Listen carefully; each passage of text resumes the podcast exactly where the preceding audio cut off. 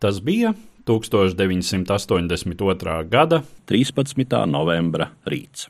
Laikraksti visā sestdaļā planētas Sauszemes un arī daudz viet citur pasaulē droši vien savās pirmajās lapusēs vēstīja, ka par mirušā ilggadējā padomju valsts vadītāja Leonīda Brežņeva varas mantinieku kompartijas elite izraudzījusies Juriju Andropovu. Tikai kopš dažiem mēnešiem centrālās komitejas sekretāru, bet līdz tam daudzus gadus PSRS valsts drošības komitejas priekšsēdētāju. Daži Jūrija Andropova varas periodā saskata Gorbačova pārkārtošanās prelūdiju, citi iespējamu pagriezienu striktākā, disciplinētāka bolševisma virzienā, pat iespējamu neostaļinismu. Patiesībā neviens ne otrs viedoklis nav īsti pamatojams, jo Andropova laiks Padomju Savienībā izrādījās pārāk īss. Nebija pagājis vēl ne pusotras gads, kad arī Jurijs Andropovs beidza šīs pasaules gaitas, liekot kompartijas cekai meklēt atkal jaunu vadoni. Katrā ziņā var teikt vienu, Jurijs Andropovs joprojām ir viena no noslēpumainākajām un maz pētītajām figūrām Krievijas visjaunāko laiku vēsturē.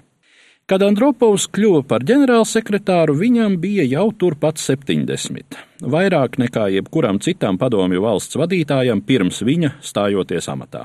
Tomēr uz savas varas pēdējos gados acīm redzami fiziski brūkošā Brežņeva un arī pārējā kompartijas politbiroja fona Andropovs izskatījās visai jauneklīgs un enerģisks.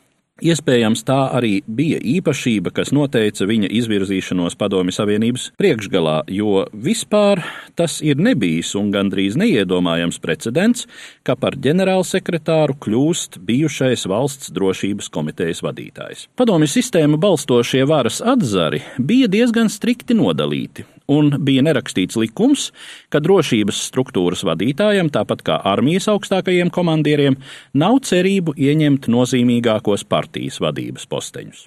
Tomēr Jurijam Andropovam, valsts galvenajam drošībniekam ar armijas ģenerāļa pakāpi, Tas izdevās.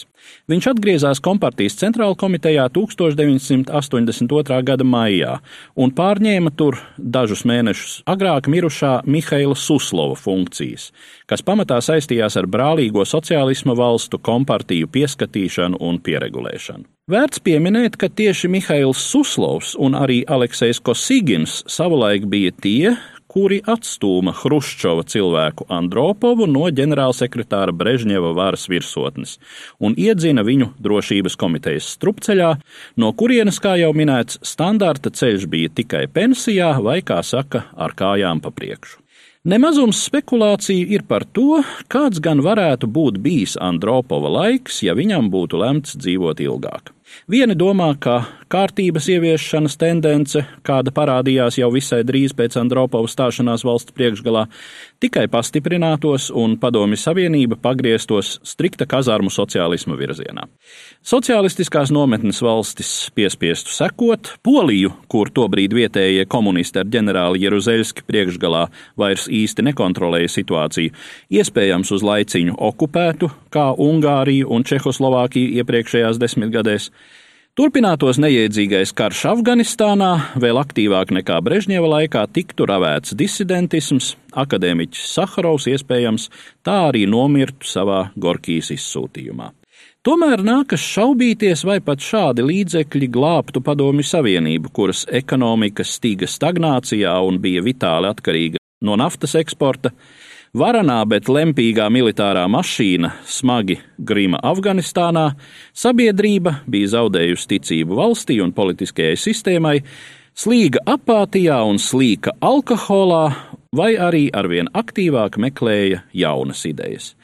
Iespējams, būdams vairāk pieredzējis un sistemātiskāk domājošs nekā Mihails Gorbačovs, ģenerālsekretārs Andropovs veiktu reformas uzmanīgāk, striktāk aizstāvētu padomi impērijas pamatprincipus, tomēr vai viņam izdotos apturēt pārmaiņu procesus mirklī, kad tie kļūst nekontrolējami, un vai tas vispār padomju savienībā vairs kādam varēja izdoties, tas ir jautājums. Stāstīja Eduards Liniņš.